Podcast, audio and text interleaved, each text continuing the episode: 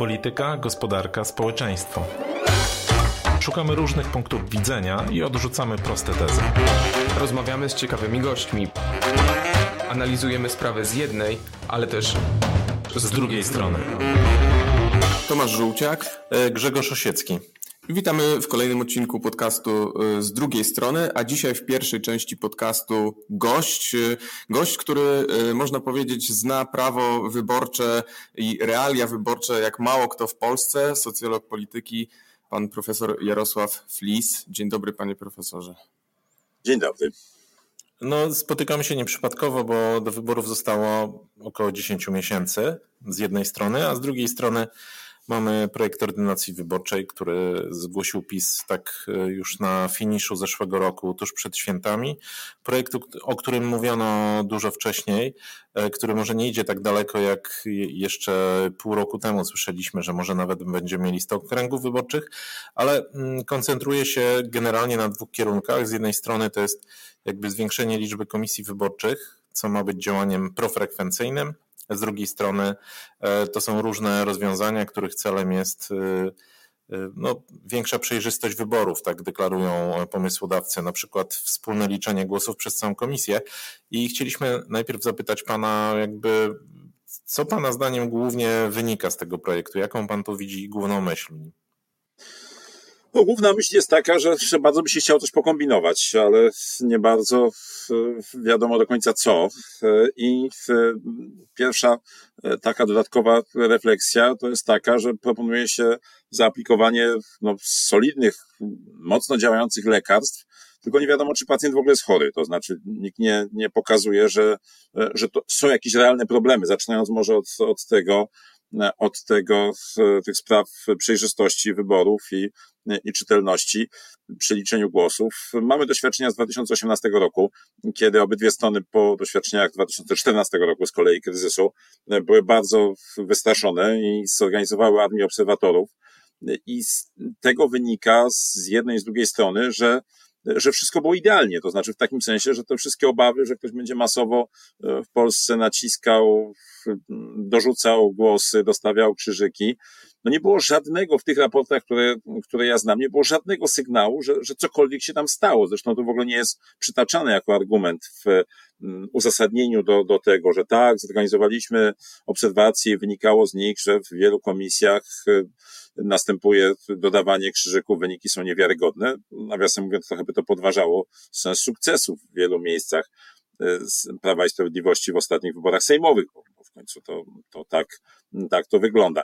No ale, ale gdzieś są jakieś obsesje, gdzieś są jakieś stare żale, gdzieś jakieś e, są już takie e, odruchy. W, e, no poza tym chyba nikt się nie odważył powiedzieć prezesowi, że, że to może nie warto i, i że to, to jest... niczego nie zmienia to jest obawa, czy to jest może na przykład no, taka też działanie profrekwencyjne, czy mobilizacyjne, bo jak się opowiada o tym, że te wybory, to one będą że trzeba iść na wybory, nie, nie dać się. I, no, jak się tutaj miesza herbatę w tej szklance, to może więcej osób się skłoni do tego, żeby na wybory poszły. Wydaje mi się, że to jest raczej odciąganie uwagi twardego elektoratu. Zamiast rozmawiać o tym, co chcemy zrobić, co wyszło, co nie wyszło, jakie były problemy, co można by naprawić, jakie mamy pomysły, to jedna i druga strona, bo przecież Donald Tusk też, też porusza ten problem bez żadnych mm, jakichś ograniczeń. Woli mówić o, o nieuczciwości wyborów, bo to bardziej nakręca twardy elektorat. Natomiast to, że wyborcy umiarkowani z tego powodu nie, nie zmienią zdania i, i w ogóle raczej może ich to ewentualnie zniechęcić, no bo, bo po co brać udział w czymś, co, co, jest, co jest podejrzane.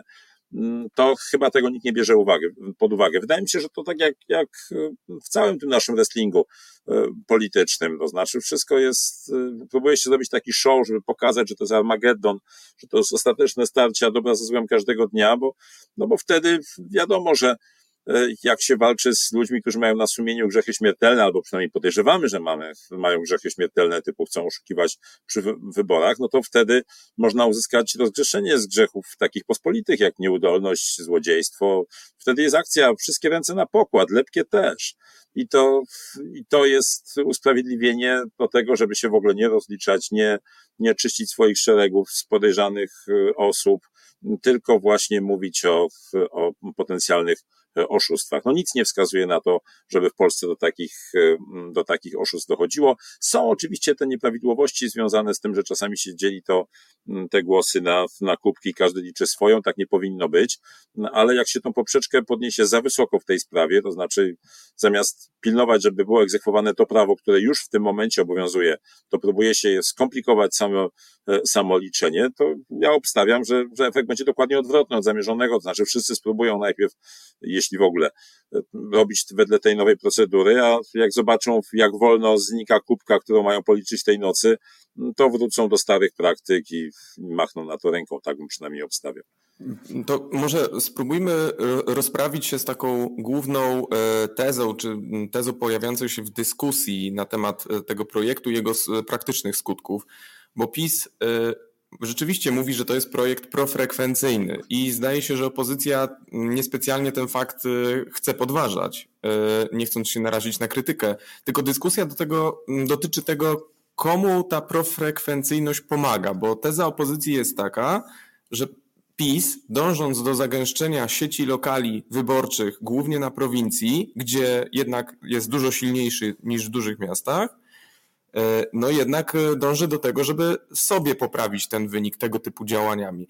E, opozycja na przykład pyta, dlaczego w dużych miastach, skoro chcemy być profrekwencyjni wszem wobec, nie wydłużymy na przykład godzin otwarcia lokali wyborczych. Więc pytanie, czy rzeczywiście te działania związane z zagęszczeniem sieci sprzyjają PiSowi? Że sprzyjają tylko i wyłącznie w, w, taki sposób, którego przed chwilą też mogliśmy doświadczyć. To znaczy tak, po pierwsze, że, że opozycja i też medialny świat zaczyna postrzegać wybory jako rywalizację na linii wieś-miasto, a w szczególności warszawscy dziennikarze zaczynają używać słowa prowincja, e, które wszędzie poza Warszawą jest odbierane pejoratywnie, odbierane jako wyraz e, ich poczucia wyższości. No to jest takie francuskie słowo, no, że liczy się tylko Paryż, a cała reszta to w ogóle jest Jest jeszcze Polska A i Polska B, ale to tak cóż, samo jest. Jest tam, jest tam ciekawego. No więc to jest tak, że to w Warszawie to nie pomaga, natomiast poza Warszawą to generalnie rzecz biorąc szkodzi. W związku z czym jedynym elementem, który tutaj widzę, to jest właśnie to legendarne już przejeżdżanie prętem po kracie. To znaczy, że, że opozycja się dostanie jakiegoś bzika i zacznie wybrzydzać na rektorat wiejski, kościelny, starszych ludzi i tak dalej. Natomiast na razie ja tego nie widzę, to znaczy nie wiem, no być może to gdzieś widać na Twitterze, ale w, w ogólnych mediach raczej podchodzić tak jak, jak na początku była ta refleksja, a z takim zrozumieniem, okej, okay, no można próbować. Natomiast najważniejsze jest to, że, że nic nie wskazuje na to, żeby to był w ogóle problem. No, to znaczy, to jest rzecz, na którą się, na którą, którą badam i, i sprawdzam na podstawie e, tych danych, które są dostępne w ciągu ostatnich dni. To nie jest łatwe, ale można jednak próbować. No i nic nie wskazuje na to, żeby to w ogóle był problem. To znaczy, na przykład, jeżeli się porówna wyniki na poziomie gmin, e, to e, można poszukać tych gmin, w których w ciągu ostatnich ośmiu lat, to znaczy no, porównując wybory 2019 do 2011, przybyło komisji wyborczych z różnych tam powodów i, e, i tych, w których ubyło komisji wyborczych, no bo jakiś tam ruch w tym interesie się cały czas odbywa. I e, jeśli się porówna, jak się zmieniła frekwencja w tych gminach, w których komisji ubywało i w tych, w których gmin komisji przybywało, no bo gdzieś cały czas coś się pojawiają się jakieś nowe inicjatywy, to ona się idealnie nie różni. To znaczy nie ma w ogóle żadnego żadnej e, różnicy. Nie ma żadnej różnicy, bo gminy trochę różnie podchodzą do wyznaczania tych okręgów e, wyborczych. Widełki są bardzo szerokie i można to zrobić tak, jak wspomniane już kiedyś w naszej rozmowie gminie Jeżów, E, gdzie e, są bardzo małe okręgi. Można tak jak zrobić w sąsiadujących Brzezinach, gdzie te okręgi są takie no, po 1500 mieszkańców, a nie po 300. E, I, no i co się okazuje, jak się też porówna w poszczególnych lat wyniki, że nie ma żadnej istotnej różnicy pomiędzy dużymi a małymi komisjami. Na pewno nie w tą stronę, jeśli w ogóle jest, że żeby małe miały większą frekwencję, to trochę oczywiście wynika stąd, że duże wsie są w Galicji, Galicja głosuje częściej i po prostu w Galicji są dużo większe komisje wyborcze. Jak się to porówna, no to, to tak wygląda. Poza tym duże komisje są potrzebne zwykle w tych centralnych wsiach, które dawniej były wsiami gromadzkimi, gdzie są szkoły, kościoły, i, i tak dalej. I tam po prostu jest więcej aktywnych obywateli, oni częściej głosują. Natomiast w, w tych komisjach mniejszych, które obejmują bardziej oddalone e, od tych głównych e, takich instytucji e, gminnych wsie, no to tam tych obywateli aktywnych jest troszeczkę mniej i tam frekwencja jest w związku z tym trochę niższa. Czy jakim się to poprawi? No to to jest, przybliży komisję drastycznie. To w, to się jakoś po, polepszy, no to, to oczywiście można, można poeksperymentować. Natomiast w tym momencie jest tak, że gminy to mogą robić. To znaczy to zastrzeżenie, że e, komisja ma być od 500 do tam 3000 mieszkańców, to ono jest takie miękkie. Tam na dole jest napisane, e, że, że jak są poważne powody, to może być mniej. No i, i część gmin uznaje, że te powody są poważne, te, które się spotykają i zgłasza takie E, takie postulaty i one są normalnie realizowane, nie ma z tym żadnego problemu. A część na przykład uważa, że e, radnych tak można wnosić, no przecież nikt im tego nie zakazuje. To, że to w ogóle nie jest żaden kłopot. Być może gdzieś tu i ówdzie jest tak, że te, e, że te właśnie wiejskie elity, e, które w, mieszkają, elity w danej gminie, mieszkają w tych większych wsiach, to one uważają, że to im to nie przeszkadza, że w dużych wsiach są komisje, a w tych mniejszych są, w mniejszych już nie ma. To się może zdarzyć. E, ale też warto pamiętać, że realny efekt tego w bardzo dużej części kraju e, będzie albo żaden, albo wątpliwy, albo odwrotny od zamierzonego, to znaczy na przykład się oddalą komisje od kościołów, od zamierzonego tego z uzasadnienia prezesa. Tak na przykład będzie e, w e, Wilkowyi. To jest w powiecie jarocińskim. Ostatnio sobie sprawdzałem e, taki przypadek, gdzie w tym momencie jest komisja właśnie w takiej dużej wsi z kościołem i, i dużą szkołą i ona obejmuje siedem sołectw. I wszystkie te sołectwa są powyżej 200 mieszkańców. W związku z czym, jeśli wejdzie w życie ta ustawa, takie prawo, to znaczy tą jedną komisję e, w tej chwili, która jest, jest w szkole niedaleko kościoła, trzeba będzie podzielić na siedem różnych komisji, e, z których sześć będzie we wsiach, w których nie ma kościołów. Tak to e, wygląda, bo jest tylko jeden kościół na całą taką gromadę E, dawniej byśmy powiedzieli, mm, powiedzieli wsi. No i, i to może się okazać, że to, że wzrośnie frekwencja, choć nie jestem przekonany, czy frekwencja wzrośnie wśród tych, którzy e, co niedzielę przyjeżdżają do Wilkowej i na msze. To, czy może właśnie wzrośnie wśród tych, którzy na tą mszę nie chodzą i w związku z czym nie głosują też przy okazji, bo to jest, e, bo to jest tam, trzeba przejechać kilometr czy, E, czy dwa. No dodatkowo jeszcze kolejny problem to jest taki, że całe to, to przedsięwzięcie jest takim wielkim wotum nieufności w stosunku do rad gminy, tak, które, e, które tym się na co dzień zajmują i nie ma żadnego argumentu, żeby w tej ustawie, żeby, że one to robią źle, tak, że robią coś nie, e, nie tak, że nie mają wyczucia. I, no i teraz to prowadzi no jak zawsze arogancja nie jest dobrym doradcą. A na przykład jak się spojrzy na, na gminę Dębno, to jest taka jedna z modelowa galicyjska gmina z takimi typowymi wsiami po tysiąc mieszkańców, no to, to niektóre, to tam jest tak, że, że komisji jest o dwie mniej niż wsi. No, dlatego, że w dwóch miejscach jest tak, że szkoła stoi na granicy e, dwóch wsi e, i obydwie mają do niej tak samo blisko. E, i w dodatku jeszcze w jednym z tych miejsc e, kościół jest zaraz przy tej szkole, no ale jest po jednej stronie tej granicy pomiędzy gminami, w związku z czym nie liczy się, że jest w drugiej gminie. I teraz to, że mieszkańcy wsi Doły zamiast e, chodzić do, głosować do szkoły, gdzie chodzą ich dzieci, to jest koło kościoła, który jest i kościołem parafialnym, będą musieli jechać na drugi koniec wsi i tam głosować w remizie, to czy od tego wzrośnie frekwencja? E, wydaje mi się, że, że to tak nie będzie. To znaczy, że to raczej zamieszanie nie jest e, dobrym doradcą. Być może projekt będzie złagodzony e, w trakcie, bo tak jak teraz, no to on jest taki trochę z buta, no to znaczy, że, że musi być, jak jest wieść no powyżej 300 mieszkańców komisja. Ale jakbyśmy tak spróbowali mm, jakby uporządkować liczby, no bo dzisiaj mamy około 27 tysięcy komisji wyborczych. E, ten projekt zmienia tą minimalną liczbę dla mieszkańców, dla których można zrobić komisję z 500 do 200, chociaż jest ten wyjątek, o którym Pan mówił, tak, że już dzisiaj można, to powinno być 500, ale może być jednak mniej niż 500 czasami. E, do jakiej maksymalnej liczby może wzrosnąć liczba komisji wyborczych, jak e, wejdzie to prawo? My jesteśmy w stanie to oszacować. To jest jedna rzecz, a druga, gdzie te komisje będą polokowane? No bo rozumiem, że remizy, e, kościoły to, to mogą się po prostu wyczerpać.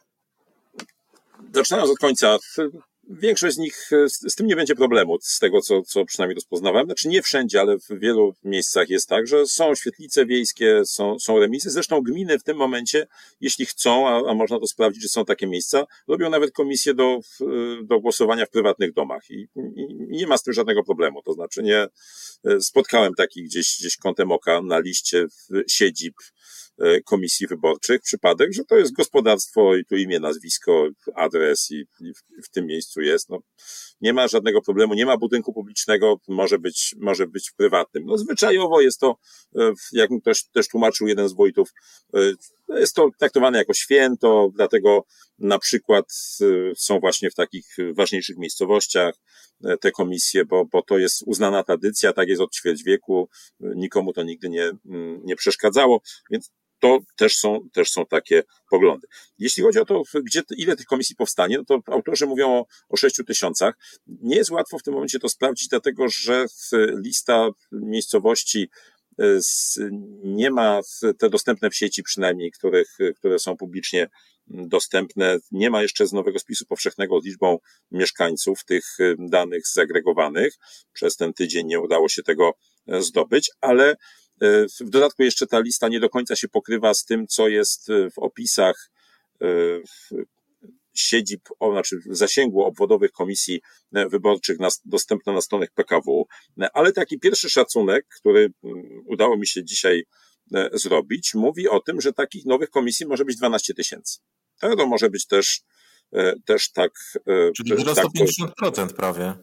Tak, to jest o 50%, ale w różnych częściach kraju bardzo różnie. To znaczy w Galicji to tam w ogóle o, o mniej niż jedną czwartą. Tak, dlatego, że w Galicji są już duże wsie i, i to wszystko e, jest e, dobrze wpasowane w tą sieć. No, nie ma, jak, jak wieś liczy średnio 1000 czy 1500 mieszkańców, no to raczej się ją dzieli na, na komisję, na oddzielne obwody, niż trzeba ją łączyć z jakąś inną, poza właśnie rzadkimi przypadkami, kiedy są jakieś tradycyjne więzi i, tym podobne sytuacje. Natomiast jeśli chodzi o resztę, resztę Polski, to, to tam, to znaczy i, kongresówkę, i, i ziemie odzyskane, i, i tutaj Wielkopolskie, Śląsk, Pomorze, to, to tam mniej więcej o, na każdych 100 komisji trzeba będzie dołożyć 75. To, tak to, e, tak wygląda z tego wstępnego szacunku. On tak dość probabilistycznie e, rozpatruje, ile, znaczy patrzy, ile jest e, średnio w dotychczasowych komisjach miejscowości i przyjmując jakiś tam typowy rozkład wielkości tych miejscowości, przewiduje, ile, jeśli tych miejscowości jest więcej niż dwie albo więcej, e, ile się można spodziewać, że takich e, komisji trzeba będzie dodać. No i to jest jakieś takie z grubsze, z grubsze. Czy może się zdarzyć, że, że tych komisji będzie naprawdę dużo, e, dużo więcej. Co oczywiście to też nie jest jakiś wielki, wielki problem, ale ale pytanie, jak duża będzie skala zamieszania z tego powodu i, i czy będzie to robione właśnie na sztywno, to znaczy tak na przykład, że, w tym momencie jest, jest wiele takich przypadków, które spotkałem, e, że komisja obejmuje dwie miejscowości, jedną mniejszą, która ma mniej, mniej niż 200 mieszkańców, ale za to tam jest szkoła i kościół, i drugą taką trochę większą po sąsiedzku, e, która co prawda ma więcej niż 200 mieszkańców, ale tam nie ma szkoła ani kościoła. No i teraz jest pytanie, czy to, czy to będziemy dzielić, czy, czy nie będziemy dzielić pod przymusem, czy jakoś inaczej grupować, e, jakie będzie, czy będzie zaufanie jakieś do, do ludzi, którzy to wyznaczają. Ale panie profesorze, bo my mówimy, my mówimy tak naprawdę o jakimś wariancie maksymalnym, jeżeli chodzi o zagęszczenie tej sieci, prawda? I e, jak rozumiem, w dalszej mierze to, to czy te e, lokale dodatkowe będą powstawać, będzie zależało od radnych, miejscowych radnych. I nie, teraz... wedle tej właśnie, gdyby tak było, to, to w ogóle nie byłoby żadnego problemu, gdyby było powiedziane, że od, od 200 może liczyć i dalej sobie decydujcie samemu. Nie, nie, tu jest e, w tej, te przepisy przejściowe, nie same reguły, e, każą na twardo w każdej miejscowości, która ma co najmniej 200 mieszkańców, wskazać, że wójt wskazuje lokal, albo się tłumaczy, dlaczego nie można robić lokalu e, i, i komisarz może mu kazać zrobić ten, ten lokal, no wszystko tak, tak wygląda, jakby wójtowie robili jakiś wielki spisek, no nie wiem do końca przeciwko komu, bo to ci ludzie ich wybierają, przeciwko swoim wyborcom, żeby oni nie chodzili na wybory. No nie wiem skąd w ogóle jakiś taki A może po prostu PiS, pomysł. może po prostu PiS wyciąga lekcje z wyborów kopertowych, kiedy była awantura o przekazanie spisów wyborczych e, e, Poczcie Polskiej i E, opozycja szacuje, że takich e, wójtów czy burmistrzów było mniej niż 300 na całą Polskę. Przypomnijmy, mamy 2,5 tysiąca gmin. Może to jest ten powód, dla którego PiS e, no, tak, tak idzie z tym na twardo. Poza oczywiście tym przekonaniem, że no, trzeba, trzeba trochę przybliżyć te lokale wyborcze mieszkańcom wsi czy małych miasteczek.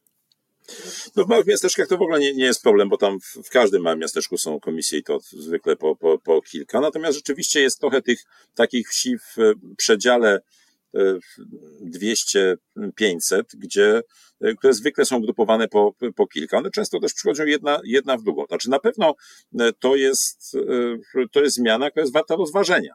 To, to w ogóle nie ma wątpliwości. Natomiast nie ma żadnych sygnałów poza E, w tym momencie, które się, które się pojawiają, że to jest e, że to jest rzeczywisty e, problem. Jeśli z powodu tego przedwyborczego przebierania nogami zaczniemy rozmawiać o jakimś problemem, sprawdzimy, jak to wygląda, zobaczymy, czy to gdzieś są jakieś zaszłości, czy nie ma, to będzie dobrze. No gorzej, jeżeli właśnie będzie tak, że, że partia rządząca będzie sobie robić dodatkowych wrogów, no bo teraz trzeba wysłać do, do tych, to, to jest 30 tysięcy radnych, którzy się tym zajmują, na co, zajmowali się tym do tej pory i teraz im się wysyła takie wotum nieufności, mówiąc, no wyście to robili źle, wyście mieli w tym jakieś ukryte interesy, wyście nie potraficie bronić swoich mieszkańców i zakładać im komisji tak blisko, jakby się, jakby się dało.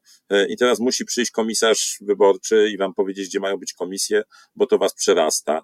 No to, to wydaje się, że jest że jest bardzo wątpliwy, gdyby ten przepis był taki, że okej, okay, no nie wszyscy chwytają, że można zrobić w mniejszych miejscowościach e, te komisje, to obniżmy tą granicę do 200, e, żeby już było jasne, że, że od, można spokojnie w przedziale 200-300 e, robić komisje wyborcze, no i, i się gospodarujcie. Róbcie to po swojemu, tak jak, jak uważacie, że, że będzie najlepiej. Zachęcamy mieszkańców, no można tam, jak ktoś składa jakiś postulat, chce, żeby tak było, no to i, i nie wierzy swojemu radnemu, e, to, e, to w takiej sytuacji możemy, e, może być jakaś instytucja odwoławcza, ale no właśnie mam takie wrażenie, że, że ten poziom niechęci w stosunku do potężnego przecież środowiska samorządowego, które, które zareagowało na na powiedzmy sobie szczerze, samobójcze działania partii rządzącej w, w sprawie wyborów mm, tych kopertowych, e, że to się teraz przekłada i, i, i ten konflikt narasta, przem, e, nasila się i, i w zasadzie w moim przekonaniu nic dobrego z tego dla partii rządzącej, rządzącej nie wynika. No, w polityce jednak warto mieć jak najmniej wrogów, a nie jak najwięcej, no, ale to jak partia rządząca ma, ma inną opinię, no, będziemy się weryfikować przy wyborach, czy ta opinia jest słuszna. Ale bo pan stawia taką tezę, że nie za bardzo, czy, czy prawie wcale partia rządząca może na tym nie zyskać. Ale po coś to jednak robi, bo jak my sobie liczyliśmy poprzednie wybory e, i frekwencje w gminach wiejskich w porównaniu z miejskimi, no to gdyby faktycznie w gminach wiejskich była taka jak w miastach, to do wyborów poszłoby około miliona więcej wyborców, niespełna, z czego ponad połowa, czyli około pół miliona zagłosowałoby na PiS. Rozumiem, że w PiSie jest po prostu takie mm, jakby nastawienie, że jeżeli gdziekolwiek mamy szukać głosów, to każdy punkt poparcia, który zdobędziemy tam, e, daje nam e, dużo więcej głosów niż gdziekolwiek indziej. Co więcej, tam jest też takie nastawienie, że jeżeli będziemy mobilizowali tych ludzi, którzy nie głosowali do tej pory, to wśród nich e, jakby nasi zwolennicy stanowią zdecydowaną przewagę. No, może tu jest jakieś takie racjonalne jądro. Znaczy racjonalnie to było w 2019 roku, ale warto pamiętać, że komisje były w tych samych miejscach. Ja, więc to i, i tych wyborców poszło na wsi, a w szczególności w Polsce północno-zachodniej e, tam były największe wzrosty, dużo, dużo więcej niż w 2015, kiedy też Prawo i Sprawiedliwość e, wygrało, chociaż warto pamiętać, że w miastach też była bardzo duża mobilizacja w tym czasie, ale się wyrównało. I ta, e, to upodmiotowienie polskiej wsi następuje sukcesywnie od, e, od 2000 2007 roku. W każdych kolejnych wyborach zmniejsza się przewaga w liczbie głosów, które miały miasta, powiaty nad jedną trzecią najmniejszych gmin w Polsce, pomimo tego, że nikt nie ruszał okręgów, znaczy nie, nie, nie przymusowo nie zwiększał okręgów wyborczych, bo to tak naprawdę nie jest problem dostępności jak się wydaje, to, to, jest, to jest stosunkowo mały problem. Można, tak jak do tej pory, sądząc z tego, co się, e, co się e, działo, to znaczy ci ludzie, którzy zagłosowali w 2019, a nie głosowali w 2015, e, to oni z jakiegoś powodu to robili. To znaczy, to jest, to, to był brak wiary, brak przekonania, że się ma na coś, na coś wpływ w takiej, w takich wyborach. To jest bardzo często też kwestia dobrych kandydatów e, lokalnych, to znaczy tych wszystkich naganiaczy, których partie wysyłają tam, rekrutują mniej lub bardziej udanie, no to jest bardzo dwuznaczna sprawa w obecnej ordynacji. E, to, czy, czy kandydat 23 miejsca, który jest z naszej wsi, to, to on podniesie frekwencję, ale później raczej wywołuje zniechęcenie, jak się okaże, że nas zmobilizował, ale i tak nie zdobył mandatu. To to takie, takie dane, e, w szczególności na poziomie sejmikowym, gdzie to kiedyś, gdzie to kiedyś analizowałem, bardzo wyraźnie to pokazują, że ludzie się ludzi zniechęca do głosowania w wyborach sejmowych e, osobista porażka ich kandydatów, którzy w tym systemie e, są skazani na porażkę, jeśli kandydują z dalekich miejsc, z małego, z małego terytorium. E, także oczywiście rozumiem, że takie są nadzieje i, i takie są takie są pomysły, ale to jeszcze wcale nie znaczy, że one są oparte na jakiejś, na jakiejś głębokiej analizie. No na razie w każdym razie tego, tego to nie bardzo, E, nie bardzo widać. Z, e, z takich doświadczeń, które, e, które mamy właśnie w różnych miejscach, to znaczy w szczególności z tych, z tej wielkości obwodów, z, z tych zmian wielkości obwodów, które, które następowały, no to na razie nie ma żadnych takich sygnałów, które by mówiły, że tam, gdzie są obwody mniejsze, gdzie jest łatwiej technicznie zagłosować, to tych ludzi głosuje, głosuje więcej. To być może bariery są jednak gdzie indziej. No być może się okazać, że to będzie bardzo istotna, istotna rewolucja, e, ale póki co, no to na razie świadczyłoby tylko o jakiejś genialnej intuicji, e, bo w, e, w tym momencie żadne dane, które, które są dostępne, tego nie, nie pokazują. Dlatego, że, że tak normalnie na co dzień oczywiście w tych wyborach sejmowych te dane są, są trudno dostępne. Natomiast ja też sprawdzałem, jak to, jak to wygląda w wyborach samorządowych, gdzie już można, te okręgi wyborcze są zwykle, obwód się dzieli na kilka okręgów wyborczych, można zobaczyć. I tam rzeczywiście bywają takie przypadki, że te wsie, w których, w których nie ma komisji, tam jest odrobinę e, niższa frekwencja, ale bywa też, że jest większa. To znaczy, to, e, to widać, że to, to nie jest jakaś, znaczy są miejsca w kraju, w których, w których poszczególne gminy, w których zobaczyłem, że to E, że jest tam jakaś różnica. Tak, aczkolwiek nie wiemy, czy ona nie wynika z czegoś innego. Ale jest też niemało takich miejsc, gdzie tej różnicy w ogóle nie ma. To znaczy, gdzie ludziom fakt, że komisja wyborcza jest w sąsiedniej, w sąsiedniej wsi, e, po prostu nie, e, nie przeszkadza, że głosują tak samo często, czasami nawet częściej, jak ci, u których taka komisja ma swoją siedzibę. A czy może być, panie profesorze, tak, że spełni się takie trochę proroctwo. Pan mówi często w tego typu sytuacjach, że majstrowanie przy e, prawie wyborczym jest trochę jak nunjako, że można wymachiwać, a ostatecznie samemu zadać, zadać sobie dość bolesny cios. E, bo z tego, co pan wszystko nam opowiedział, to tworzy się taki obraz, że PiS trochę gra na aferę, tak używając żargonu piłkarskiego.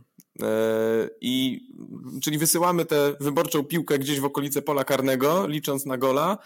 E, no i licząc, że gdzieś tam dobrze ustawiony jest Robert Lewandowski, który tylko przystawi stopę i będzie, będzie 1-0 dla Polski, e, czy dla PiSu.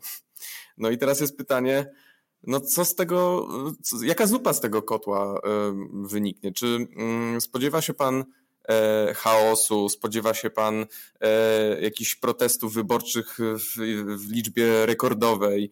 E, czy może PiS jednak dopnie swego? Co nas czeka tak naprawdę? Bo, bo jesteśmy już w tym wyborczym roku i chyba powinniśmy zacząć zdawać sobie sprawę z potencjalnych konsekwencji tego typu działań.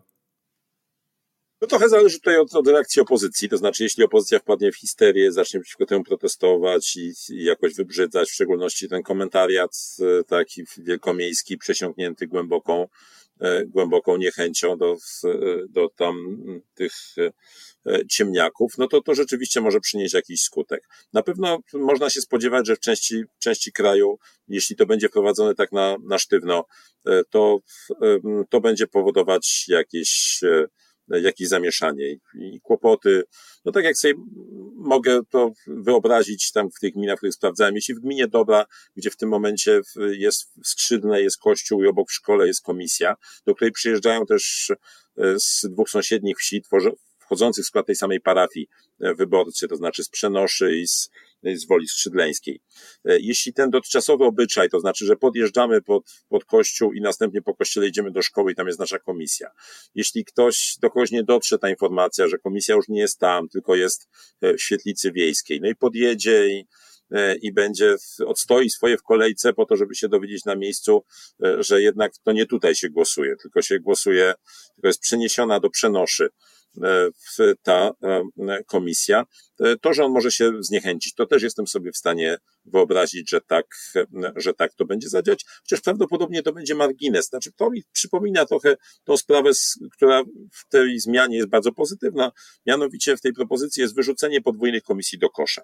To też było tak, że PiS miał wielkie nadzieje, jakie to będzie, jaka to będzie fantastyczna zmiana, jak to wszystko to poprzyspiesza.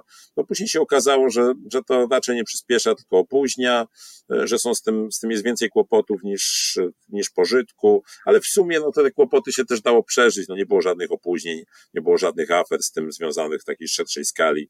Więc jak się okazało, że ani te nadzieje, ani obawy z tym związane e, się nie, nie, nie spełniły, no to teraz całe to, całe to przedsięwzięcie jest wyrzucane do, do kosza i, i, i mówi okej, okay, no e, próbowaliśmy, mieliśmy wielkie nadzieje, ale ale nic z tego nie wyszło. Spodziewam się, że tak, no po trochę, być może tak jak przy tych zmianach sprzed pięciu laty, e, trochę naj, e, najgłupszych pomysłów zostanie jednak jakoś tam wyperswadowanych partii rządzącej, czy właśnie we własnych szeregach ktoś się ktoś się zorientuje, że to nie wszędzie jest takie proste, że, e, żeby tak to, e, tak to robić, e, że gdzie niegdzie, no, że właśnie na przykład podsuwamy te kościoły od komisji od kościołów, jak Polska w całej Polsce północnej, znaczy północno-wschodniej, bo tak to mniej więcej będzie wyglądać. Są właśnie takie, takie gminy, gdzie właściwie cała zmiana polega na tym, że komisje są już bliżej, ale nie, nie pod kościołem, bo jest jeden kościół na całą gminę. To są przecież takie miejsca, miejsca w Polsce. I, i być może to zostanie, zostanie okrojone i przyciągnięto jakichś racjonalnych, racjonalnych ram. To, być może to będzie tak, że, że ktoś się jednak za, zafiksuje na, na takiej zmianie i skończy się jak z wyborami samorządowymi, z wydłużeniem kadencji. No, że najpierw trzeba było wydłużyć o pięć lat i w ogóle nikt się nie przejmował tym, że, że to jest kłopot, e, a, a później się okazało jednak, że to jest wielki kłopot e, i to dla tych, którzy to, to przeforsowali. No i teraz trzeba było przesunąć jeszcze raz, e, odsuwając problem na później, ale go wcale nie zmniejszając i, i zostaniemy po prostu z, z jakimś bałaganem, który z tych, z tego wszystkiego się się bierze. No wydaje mi się, że... Nie, natomiast y, jeszcze chcieliśmy ostatnie pytanie zadać tak na krótko. Tak. Poprosić Cię o wyborczą prognozę, ale nie chodzi o wyniki, tylko raczej chodzi o, o takie zastanowienie się y, w zasadzie z elekcji na elekcje dotychczasowe. Mieliśmy coraz większą frekwencję. Czy Pana zdaniem y, w październiku też będzie tak, że to będzie rekordowa frekwencja w wyborach parlamentarnych? No są tutaj dwie siły, które, e, które są przyłożone i nie jestem w stanie powiedzieć, która jest większa. Jedna siła to jest narastająca podmiotowość, na przykład wzrastająca liczba osób z wyższym wykształceniem mieszkających na wsi. To jest jeden z tych, z tych mechanizmów, plus to, że elektorat w, miarę starzenia się społeczeństwa jest też coraz starszy, a coraz, to, coraz starszy elektorat to znaczy coraz więcej osób głosuje, to znaczy to wszyscy, jest coraz mniej dwudziestolatków, a wiadomo, że dwudziestolatkowie głosują najrzadziej, w związku z czym e, to też przyrasta, przyrasta też właśnie liczba ludzi z wyższym wykształceniem w przedziale 30-50, e, która też jest grupą, która bardzo często, często głosuje. Z drugiej strony mamy drugą siłę, mianowicie spadające notowania partii rządzącej. Do tej pory wiemy, że, że zwykle jest tak, kiedy no, sondaże szły wyraźnie w dół e, przed wyborami, to wtedy elektorat w tych miejscach, gdzie gdzie w matecznikach danej partii, tam, tam gdzie była większa, ten elektorat zostawał częściej w domu. Zniechęcał się. To znaczy nie, nie tak to miało być. Ma to, ma to wrażenie. Nie jest tak od razu, że zmieniał zdanie, tylko zmieniał zdanie na temat tego, czy warto iść, na wybory. I, I to może być druga, druga siła. Która z tych sił przeważy, to, to wydaje się dzisiaj wielką niewiadomą. W każdym razie nie, nie, nie podejmuje się wyrokować. Natomiast e, na pewno wygląda na to, że takiego entuzjazmu, jaki był w 2019 roku i takiej obustronnej mobilizacji, tak, gdzie była mobilizacja wcześniej przegranych, która też jest e, często typowa, ale też była i mobilizacja obozu rządzącego, mobilizacja nowych wyborców, przyciągnięcie tych nowych, nowych wyborców, że to są, e, że to już nastąpiło. No na przykład jest tak, że na obszarach wiejskich ta frekwencja w wyborach sejmowych 2019 już w większości kraju była wyższa niż w samorządowych. Tam wcześniej w sporej części kraju e, wyborcy w gminach wiejskich uważali, że wybory wójta są ważniejsze niż ustalanie, kto będzie premierem. I, e, I tam szli, a tutaj nie szli. A teraz, ale też nie wszyscy chodzili na te wybory, e, wybory wójta, czy wybory radnych, które są najbliżej.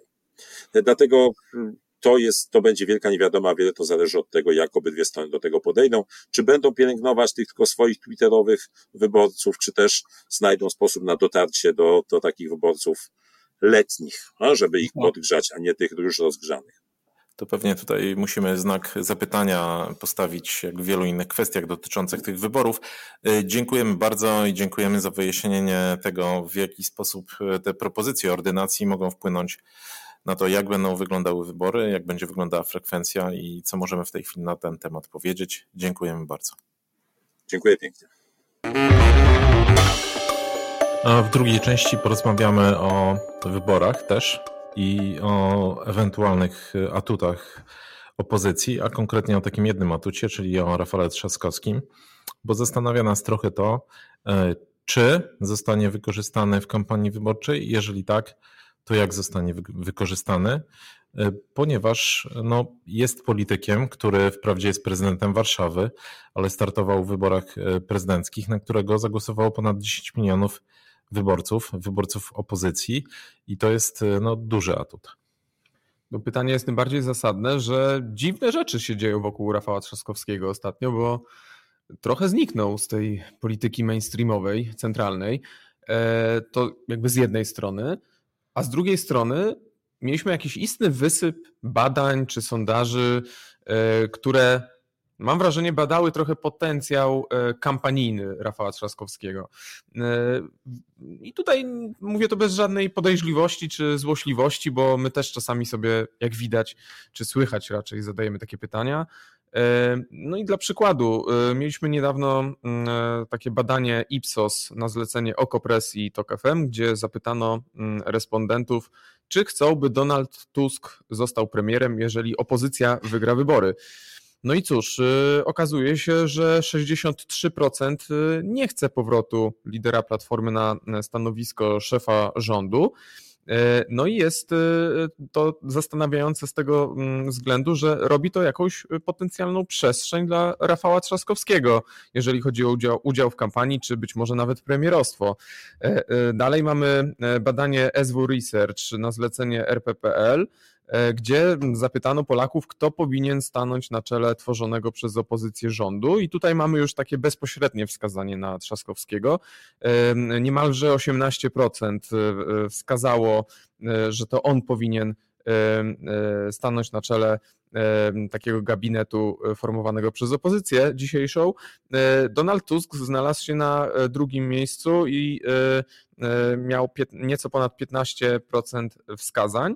No i wreszcie trzeci i szczerze, szczerze mówiąc dla mnie osobiście najbardziej zaskakujący sondaż czy badanie e, United Surveys dla wirtualnej Polski, e, w którym zapytano Polaków, który to polityk w mijającym roku zrobił na nich największe wrażenie. E, I jak się okazuje, bezkonkurencyjny okazał się Rafał Trzaskowski, prawie 20% wskazań. Drugie miejsce Jarosław Kaczyński z wynikiem niecałych 14% w porównaniu do tego, co sobie powiedzieliśmy na samym początku, że Rafał Trzaskowski trochę zniknął, trochę zajął się sprawami warszawskimi, gdzieś po drodze e, był kampus. E, jest to trochę zastanawiające dla mnie, dlaczego e, Rafał Trzaskowski zrobił wrażenie aż tak duże na tylu osobach? Hmm, to ja dorzucę do tego jeszcze jedno badanie, ale trochę inne i trochę starsze, bo to jest badanie, które robiliśmy w połowie tego roku z United Surveys e, dla dziennika Gazety Prawnej RMF-u. Kto jest najbardziej wpływowym politykiem opozycyjnym? 58% Donald Tusk, 41% e, Rafał Trzaskowski. No więc jeżeli chodzi o ocenę wpływowości, to widzimy. Natomiast e, no, to, co nas e, tutaj zastanawia i to, co nas zaczęło zastanawiać w sprawie Rafała Trzaskowskiego, jeszcze zanim pojawiły się te badania, a myślę, że one świadczą o tym, że to, to wszystko nurtuje też naszych kolegów, to to, że mamy w tej chwili taką jakby figurę na opozycji. No, liderem mm, największej partii opozycyjnej jest Donald Tusk, który stara się narzucić taką narrację wspólnej listy opozycyjnej, ale on jest politykiem, który ma dosyć duży elektorat negatywny.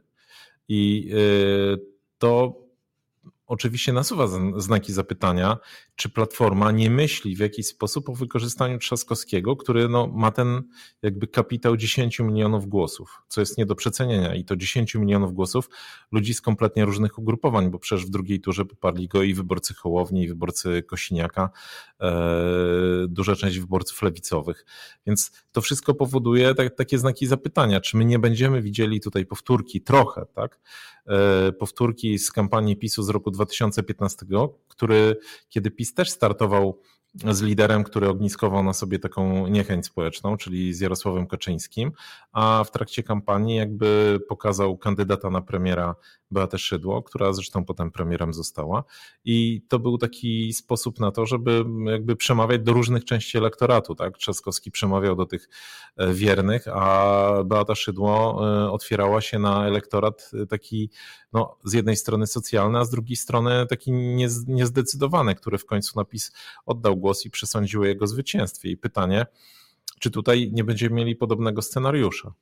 Czyli y, ta teoria zakłada, że Donald Tusk na razie i pewnie jeszcze może nawet przez kilka miesięcy co najmniej będzie pełnił rolę takiego politycznego piorunochrona, który będzie zbierał ciosy e, ze strony PiS, ze strony wiadomości TVP, e, a na koniec wejdzie cały na biało Rafał Trzaskowski, który bez tego politycznego homonta założonego na siebie będzie w stanie rzucić rękawicę PiSowi. Czy, czy PiS, no, no właśnie, czy PiS się liczy w ogóle z takim scenariuszem? Czy, czy, czy dostrzega to zagrożenie?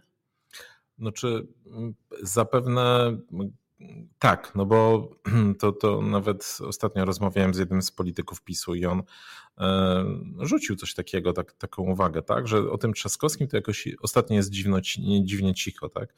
I to, to może sugerować, że PiS jakby też widzi potencjał do rozwoju takiego scenariusza.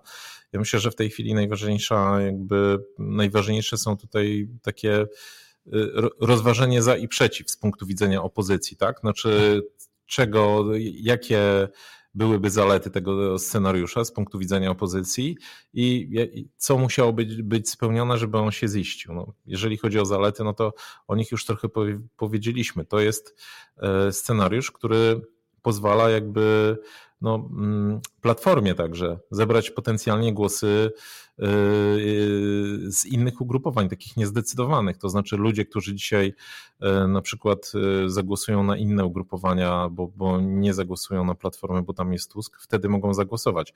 Ale oczywiście w łonie całej opozycji to może być z kolei kłopot, no bo na przykład odebranie głosów lewicy, no bo Trzaskowski ostatnio nawet był taki sondaż, tak? On cieszy się dużą popularnością w elektoracie lewicowym.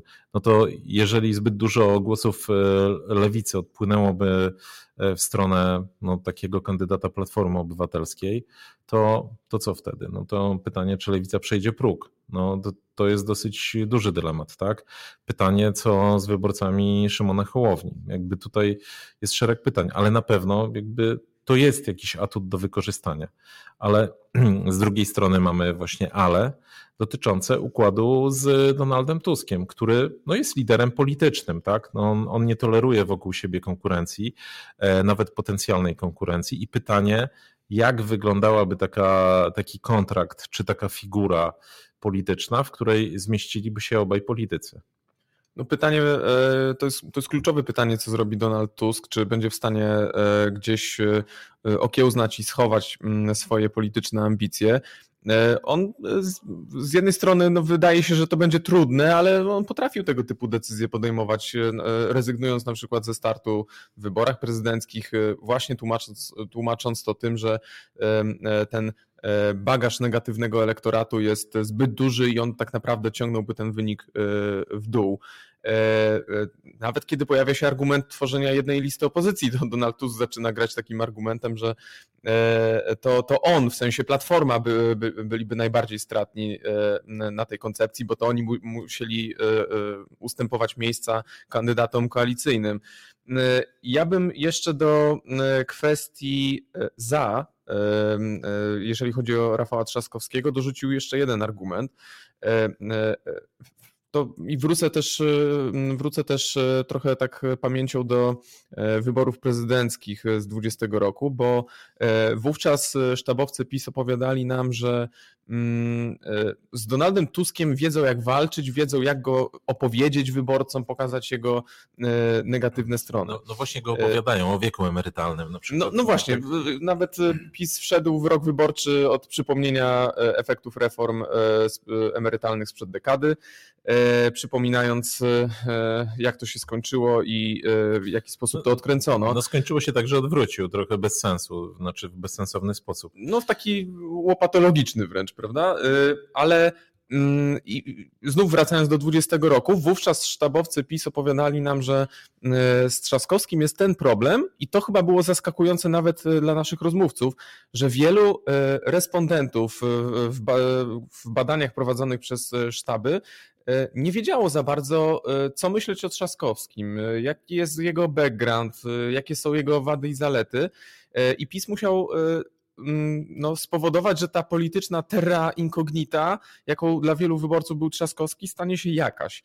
E, przedstawiano go głównie w tych wyborach jako kandydata nadmiernie lewicującego, progresywnego, który zajmuje się e, takimi mało istotnymi e, rzeczami, a jeżeli już się zajmuje to w sposób nieudolny i tak dalej, i tak dalej. No zadziałało to średnio, no bo tak jak wspomniałeś, Rafał Trzaskowski jednak został zweryfikowany w tych wyborach prezydenckich, i wyszedł z tego raczej obronną ręką. Oczywiście zajął najgorsze drugie miejsce w, takiej sytuacji, ale jednak to on też, podobnie jak Andrzej Duda, przekroczył barierę 10 milionów głosów, więc to jest, to jest ten kole, kolejny kamyczek, który w jakiś sposób, mam wrażenie, uwiarygadnia tę naszą spekulację.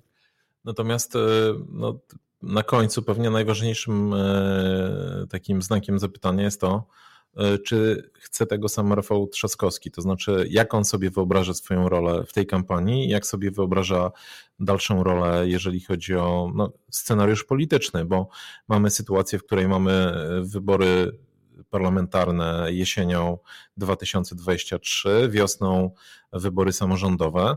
Więc pytanie, jeżeli by wystartował w wyborach e, parlamentarnych, no bo pewnie jeżeli miałby być aktywny w kampanii, to powinien startować w tych wyborach to pytanie, w jakiej roli by wystartował, z jakiego okręgu do tej pory no, Tusk startował e, z Warszawy jako lider Platformy, co startowaliby obaj. No, tu jest jakby szereg takich technicznych znaków zapytania, a poza tym co z Warszawą wtedy? No bo jeżeli e, startuje, no to znaczy, że potem e, premier wprowadza komisarza do Warszawy, jeżeli prezydent Warszawy otrzyma mandat. Y, bo traci swój, y, natychmiast traci funkcję. No i co wtedy z wyborami prezydenckimi? Więc jakby tu jest kilka znaków zapytania, które wymagają odpowiedzi, ale przede wszystkim no pewnie, y, pewnie jakiegoś, wymaga to jakiejś decyzji od samego zainteresowanego. No, tym bardziej, że ten dylemat Trzaskowskiego jest rzeczywiście potrójny, bo albo Warszawa, albo premierostwo, albo wybory prezydenckie, a wydaje mi się, że w Platformie do tej pory słyszeliśmy raczej takie e, teorie, że e, premier Tusk, prezydent Trzaskowski, e, co narzuca pewne reguły gry także wewnątrz Platformy, no ale wiemy też, że E, Donald Tusk e, i Rafał Trzaskowski, no tam nie ma e, specjalnej miłości, panowie co najwyżej się tolerują, bo po prostu zupełnie inaczej uprawiają tę politykę. No i pytanie właśnie, tutaj trochę mm, to jest taka zabawa psychologa, czy, czy obaj panowie będą w stanie dojść do jakiegoś kompromisu, tym bardziej, że elementem tego kompromisu będą musiały być ustalenia wychodzące poza platformę, czyli prawdopodobne, prawdopodobni koalicjanci, którzy będą albo na jednej liście z platformą, albo w ramach jakichś bloków. To są cały czas scenariusze, które są na tapecie. No ale myślę, że e, to są też pytania, na które w tej chwili nie odpowiemy, e, przynajmniej w sposób konkretny, bo musimy poczekać, aż opozycja jako całość e, dogada się i porozumie się wewnętrznie i zewnętrznie odnośnie właśnie tego konfigura tej konfiguracji startu i wtedy będziemy mniej więcej wiadomo, jak te klocki nam się układają. Tylko tu jest taka jedna rzecz, której nawet jakby powielając taki, gdyby Platforma chciała powielić taki wzorzec z kampanii 2015 E, PiSu, to nie do końca będzie w stanie go powiedzieć, ponieważ PiS e, w momencie, kiedy wygrał wybory, był jednym ugrupowaniem. I, e, a Jarosław Kaczyński jakby miał tam no, niekwestionowaną pozycję w tym ugrupowaniu, więc on mógł sobie pozwolić na, na pozycję, e, wtedy to nazywano szeregowego posła, albo jak on sam kiedyś powiedział e, w wywiadzie emerytowanego zbawcy narodu, to znaczy na kogoś, kto jest poza rządem i jest z boku, tak? No, te słynne kolejki na Nowogrodzkiej, gdzie do niego jeździli wiceministrowie, ministrowie. Natomiast tutaj jeżeli opozycja wygra wybory, to będziemy mieli rząd tak naprawdę koalicyjny. E, I logika wskazuje, że jednak wszyscy liderzy partyjni powinni się w tym rządzie znaleźć. E, no i pewnie lider ugrupowania, które będzie najsilniejsze, powinien być premierem. No więc tutaj mamy już od razu znak zapytania, tak? E, jaką rolę, gdyby wystartował prezydent Warszawy, to jaką rolę miałby pełnić w takim przyszłym rządzie? Więc jakby tych znaków zapytania jest dużo, ale to nie my będziemy na nie odpowiadali. My będziemy na, na pewno obserwowali to, co się dzieje i jakby próbowali wyciągać wnioski z tego.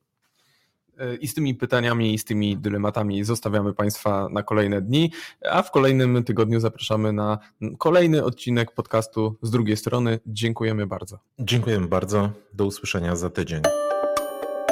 Polityka, gospodarka, społeczeństwo. Szukamy różnych punktów widzenia i odrzucamy proste tezy. Rozmawiamy z ciekawymi gośćmi. Analizujemy sprawę z jednej, ale też z drugiej strony.